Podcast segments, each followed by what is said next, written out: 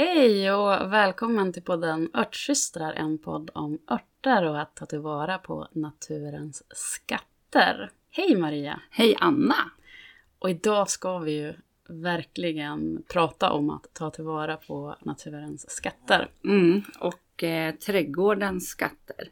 Precis. Vi ska prata om konservering som är, är ett gammaldags sätt att ta tillvara på, på grönsaker och som gör att man inte behöver... Har det kallt? Ja, man behöver inte knö in allt i sin kyl eller frys. Exakt. Som är... Det är ju supersmart, det låter nästan för bra för att vara sant. Mm. Men innan vi eh, går in på det och börjar prata rent praktiskt, hur gör man? Så tänkte jag att vi bara skulle göra en liten incheckning av eh, trädgårdsåret 2022. Mm. Hur är, hur är läget i din trädgård? Hur har säsongen varit? Den har varit, eh, jag har två trädgårdar. Mm. Eh, Den i Uppsala har haft det lite besvärligt med torka. Så där har jag behövt stödvattna. Men produktionen har ändå gått jättebra. Framförallt tomater, squash har jag hur mycket som helst. Och olika sorters grönkål såklart. Koriander har jag också en den har liksom flyttat in i precis vartenda hörn av sig själv. Så det har jag märkligt nog väldigt mycket av också. Men ett bra trädgårdsår skulle jag säga. Eh, I Kramfors odlar jag potatis hur mycket som helst har blivit. Ett, jag säger sammanfattningsvis ett bra trädgårdsår fast inte för baljväxter. För mig. Ja men precis, jag håller med. Jag, eh, alltså, jag går ju mot det mest produktiva året för både tomater och potatis. Och det har jag samtidigt som jag har lagt mindre tid än någonsin på odlingen. För det är ju så att vanligtvis så, jag älskar grönsaker och jag älskar, jag tycker att det är jättekul att odla grönsaker och jag gillar eh, goda grönsaker och jag är så här sort, sortnörd. Jag vill gärna ha liksom flera olika sorter av varje gröda. Men eh, jag hade ju en lansering i juni, så ganska tidigt så kände jag att liksom, ska jag göra den lanseringen av medlemstjänsten så kommer jag inte kunna ro i land, för det var precis i juni, att eh, odla lika mycket som jag Nej. brukar. Så jag liksom gjorde ett medvetet val att nu får jag prioritera och bara liksom välja ut de viktigaste grödorna och då valde jag eh, potatis och tomat.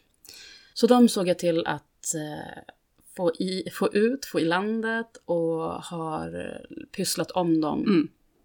Och det har gått jätte, jättebra. Sen har jag naturligtvis, alltså jag har, har ju dundrat ut liksom lite annat, det som har funnits, som jag hade på gång i tunneln. Men även där så har jag inte varit tokkött, utan det som, det som blir, det får bli. Ja. Ehm, så de räknas som inte Bonus riktigt. kanske. Mm. Men jag tyckte att det här var ju... Det var så jäkla bra. Jag är så himla nöjd över att jag vågade ställa mig själv mot väggen och att jag, Vara stenhård mot dig själv. ja, och att jag vågade prioritera. Ja. För att nu sitter jag här, det är slutet av augusti. Eh, och istället för att liksom ha försökt göra allt på en gång och sen bara krascha i juli och tyckte att allt var värdelöst. Och att det inte blir så mycket med någonting och tomaterna tjuvar som är liksom Humongous, överallt. Ja. så är jag liksom, har jag ju liksom fullt av energi nu att ta, dels ta vara på tomaterna, squashen som jag fick av dig, den har vi pratat om tidigare, Ja. eh, och potatisen. Ja. Och eh, jättetaggad på att rensa ogräs ur land och förbereda bäddar eh, För nästa för nästa år. år. För jag Mm. kommer inte acceptera att ha eh, att vara lågodlande två år i rad. Nej, jag förstår hur du menar. Du är ju en eh, sortnörd av rang. Så att, mm, Mm. där har jag massor att lära. Du är min go-to person när det gäller vilka tomater ska jag köpa. Mm. Men man måste ju inte vara så sortnörd, det är bara att det, jag tycker att det är så himla, så himla, himla kul. Ja, Men, ehm, så det är om det. Vi har alltså jättemycket att eh, ta tillvara på. Mest tomater från min sida. Mm. Eh, och Maria har ju liksom försökt peppa mig nu i flera år att komma igång med konservering. Som hon Mm. säger är superenkelt och jag tycker att det känns som ett liksom, stort och drygt projekt. Men- ja det, mm, det tar ju kanske lite tid i anspråk, absolut. Mm. Men mm, Men kan du inte berätta för den som absolut inte vet vad det är? man använder helt enkelt en metod. Man eh, kokar grönsaker i vattenbad eh, så att det, alla bakterier dör i burken och det blir ett vakuum. Vilket gör att det finns inga organismer kvar som kan skapa mögel eller oreda, utan det blir en konservburk helt enkelt. Precis, så det man gör är alltså att man, man stoppar in grönsakerna först i en burk och så är det burken som man kokar Ja. i vattenbad. Precis. Mm. Men när man gör det här, kan man använda vilken burk som helst då? Eh, nej, alltså jag skulle säga att man måste investera i en burk som klarar höga temperaturer. Ko- Alltså eh, en eh, lite mer kvalitet skulle jag säga. Det finns flera olika märken på eh, marknaden, både i butiker och på nätet. Eh, eh, jag använder själv ganska mycket av den burk som typ är från Italien som heter Quattro Stagnoni, tror jag. En rund burk med ett metallguldlock. Jag använder också mycket burkar från märket Fido. Det finns andra burkar eh, som funkar.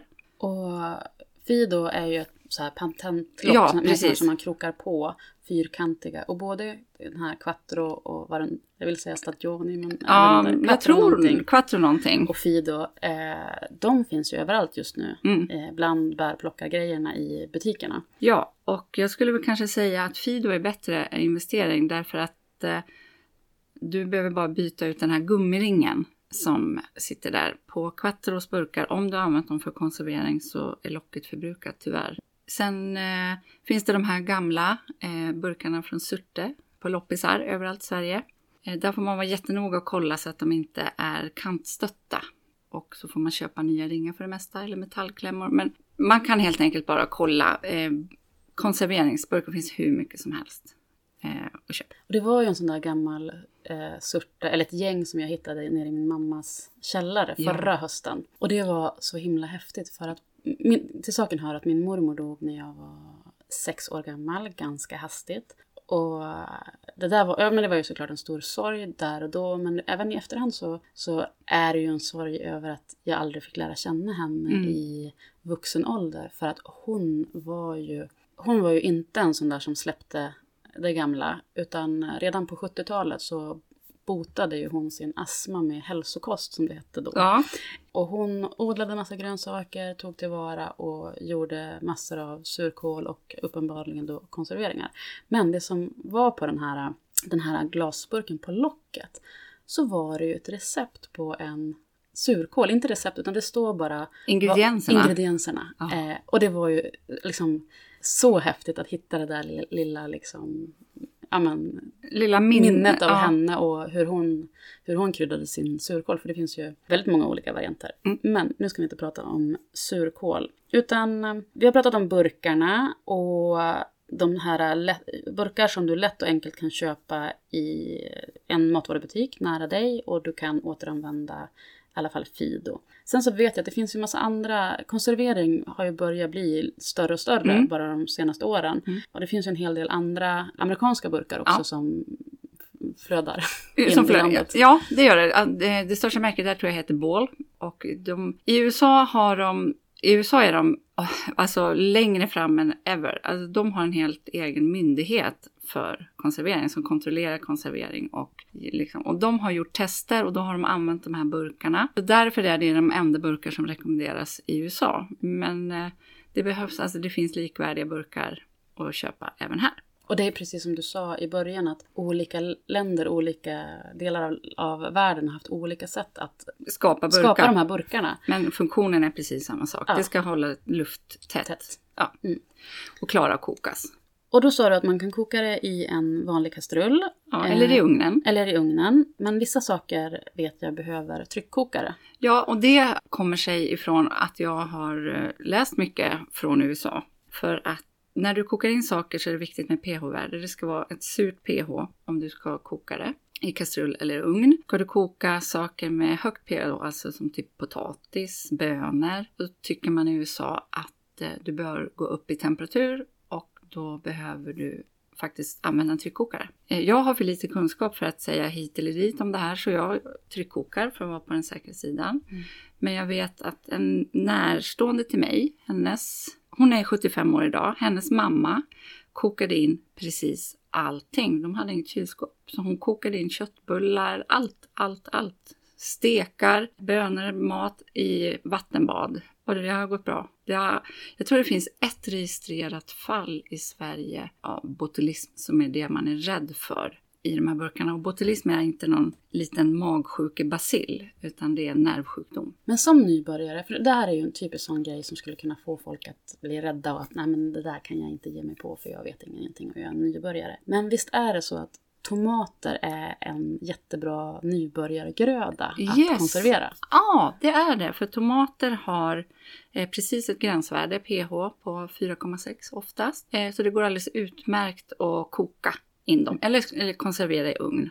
Eh, om man inte känner att man måste gå och köpa en stor kastrull. Mm. Och för säkerhets skull har jag lärt mig av en USA-konserveringsgudinna att ha i lite konser- eh, koncentrerad citronsaft i varje burk för att vara helt säker. Är det en sån här citronsaft som finns i en sån här gul liten plast? eh, Ja, eller en citron? glasflaska. Eller glasflaska. Ja, och då är det den enda gången som man behöver köpa en fabrikat faktiskt. För att det är för att det är liksom samma mängd citron. Alltså det blir en standardisering. Mm. Så då är man eh, safe. Så jag säger, vill man testa på att konservera så är tomater steg ett, absolut. Och du brukar skala dem. Ja, Jag förväller, alltså jag Ja. skollar dem Mm. och tar bort skalet. Mm. Eh, Det kan man torka och göra ett mjöl av som blir en toppenkrydda. Och sen så trycker jag ner tomaterna i en burk och liksom muschar ihop dem så att de blir liksom kokta i sin egen saft. Tomaterna eh, brukar jag skolla och ta bort skalet som går jättebra att torka och göra liksom ett eh, tomatpulver av som kan piffa upp lite vad som helst. Eh, och sen så muschar jag ner dem i en burk med lite salt och citronsaft så att de får liksom koka i sitt eget spad. Så det man gör är helt enkelt krossade tomater. Häftigt. Och det är ju det, inte svårt. Men jag tänker om... eh, Jag tror att många som odlar tomater och som nu har liksom så mycket tomater ofta har cocktailtomater. Mm. Hur gör du med dem? De faktiskt gör jag likadant med. Du skollar dem också? Ja, det gör jag. Ja. Det är väl mer en eh, smaksak Mm. skulle jag säga. För, för jag tänker eh, vissa så här konserverade, alltså konserverade plåtburk tomater Mm. som man köper i affären, visst har de skalet Ja, kvar? det brukar de ha när det är cocktail. Det blir min utmaning att inte göra det. Mm, och testa se Ja. hur det blir. För det blir ju inte cocktail, det blir ju samma mush Ja. lite grann. Mm. Mm. Men an, precis, och anledningen till att de inte gör det i cocktailtomaterna är förmodligen för att det är för, det tar för mycket tid Exakt, industriellt att, Ja. att göra det, precis som om man gör det för hand. precis. Okej, så då vet vi hur vi gör för att ko- koka in konserverade tomater. Jo, en sak som jag tänkte på, det var storleken på kastrullen. Hur stor kastrull behöver man ha? Eh, jag har en IKEA-kastrull, jag tror den är 20 liter. Okej, Därför att du måste ha eh, burk, vattnet måste täcka burkarna mm, helt och hållet. helt och hållet. Mm. Där är ju ugnen kanske en smartare väg att gå. Min ugn är lite huh, ojämn i, så att jag använder den här jättekastrullen. Viktigt är också att man har något i botten på kastrullen.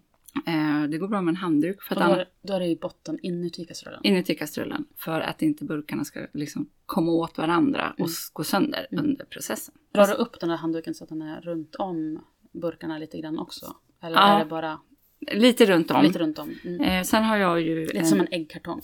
Ja, lite, man bygger, ja, Mm. lite så. Fast jag har också en metallinsats som tillhör min tryckkokare som jag brukar lägga i botten. Och sen så när man tar upp dem är det viktigt att man inte liksom vickar och håller på, att man bara tar dem med. Där finns det ett jättesmart verktyg att köpa såklart, som en burkklämma som du lyfter upp. Precis, och de finns ju på typ Clas Ohlson. Ja. En. De kostar Ja. en 20 spänn. Ja. En fiffig grej för att slippa bränna sig. Och sen så ska burkarna bara stå och vila gärna ett dygn. Mm. Så att de liksom lugnar ner sig. Då vet vi hur man, hur man gör när man konserverar tomater. Men, eh, och sen så nämnde du ju den här tanten, ja, det här ex, andra extremen från att inte konservera alls till hon som konserverade liksom en hel ko. En hel ko. de ja men de var slaktade. tvungna. Ja, men eh, den tiden lever ju inte i nu. Men jag undrar lite, vad är nästa steg och vad, vad konserverar du utöver tomater? Jag konserverar också mat, alltså typ köttfärssås till exempel. Som en snabbmat. Istället för att frysa, frysa in? Ja, precis. Men mycket tomater blir det. Det blir eh, bönor. Nu fick jag ju inte så mycket bönor som jag sa. Så att eh, i år blir det nog faktiskt mest tomater. Och maträtter? Och maträtter. Ja. Och det här med att du konserverar maträtter, är det, är det för att spara fry, plats i frysen? För du är ju jägare också, så Ja. du har ju mycket kött i frysarna. ja, det är faktiskt exakt den anledningen. För att kunna ha liksom, alla tycker ju om att ha liksom lite färdig mat, snabbmat i frysen. Och min frys brukar bli så full så att jag behöver spara plats. Men jag tänker också ur ett självförsörjningsperspektiv och eh, krisberedskap. Helt klart. Så istället för att fara till affären och bunkra obskyra Ja. eh, färdigrätter på burk som vi inte är vana att äta när vi börjar prata krisberedskap så är det här ett jättebra sätt att eh, se till att man har en beredskap med rätter som man enkelt kan äta och som man är van att äta. Precis, exakt. För det är väl en stor miss som man gör. Att man ska preppa lite grann och så kommer man och köper saker som man inte tycker om. Och då blir det bara, det blir bara dåligt. Utan ska man preppa så preppa det du äter. Och just det här är ju ett, en jättebra grej att preppa eftersom det tar ju bara plats, hyllplats. Ja. Inte... Det behöver ju inte stå i kylen för det är ju helt enkelt en konservburk. Och hur lång är hållbarheten? Ja, som en konservburk. Så ganska många år. Ja. Men eh, när man, det här med konservering, man måste ju inte koka in och göra en sån här konserv, konservkonservering. Det finns ju andra sätt att lägga in och konservera saker så att de eh, Håller. längre. Ja, precis. Du kan ju använda en ättika eller vinäger. Gamla klassiska receptet 1, 2, 3-lag funkar ju utmärkt att lägga in grönsaker i. Som håller sig på samma sätt på hyll, en hylla. Och då tar du bara grönsaker och så lite smaksättning. Ja, Igår så gjorde, stod ju Maria i mitt kök och gjorde en fantastisk inläggning. För vi, vi spelar ju naturligtvis in de här avsnitterna. Vi batchar ju och spelar in flera på samma gång eftersom vi bor rätt långt ifrån varandra. Ja. Och efter den här framgångsrika svampjakten så hade vi ju gigantiska mängder med kantareller. Så då gjorde du inlagda kantareller. ja syltade kantareller. Mm. Supergott. Mm. Så, och då, det jag såg liksom när du gjorde det var ju liksom att du hade i kokade kantarellerna och så i med dem i en burk och det var lite chili, det var eh, Ingefära, ingefära, det var något kryddkorn, senapsfrön. senapsfrön och så var det peppar. Ja, Och så på med ett, två, tre lag. ja, Tjoff, tjoff, tjoff, klart. klart. Och det där kan man bara testa sig fram och experimentera med olika saker man gillar eller? Ja, det tycker jag.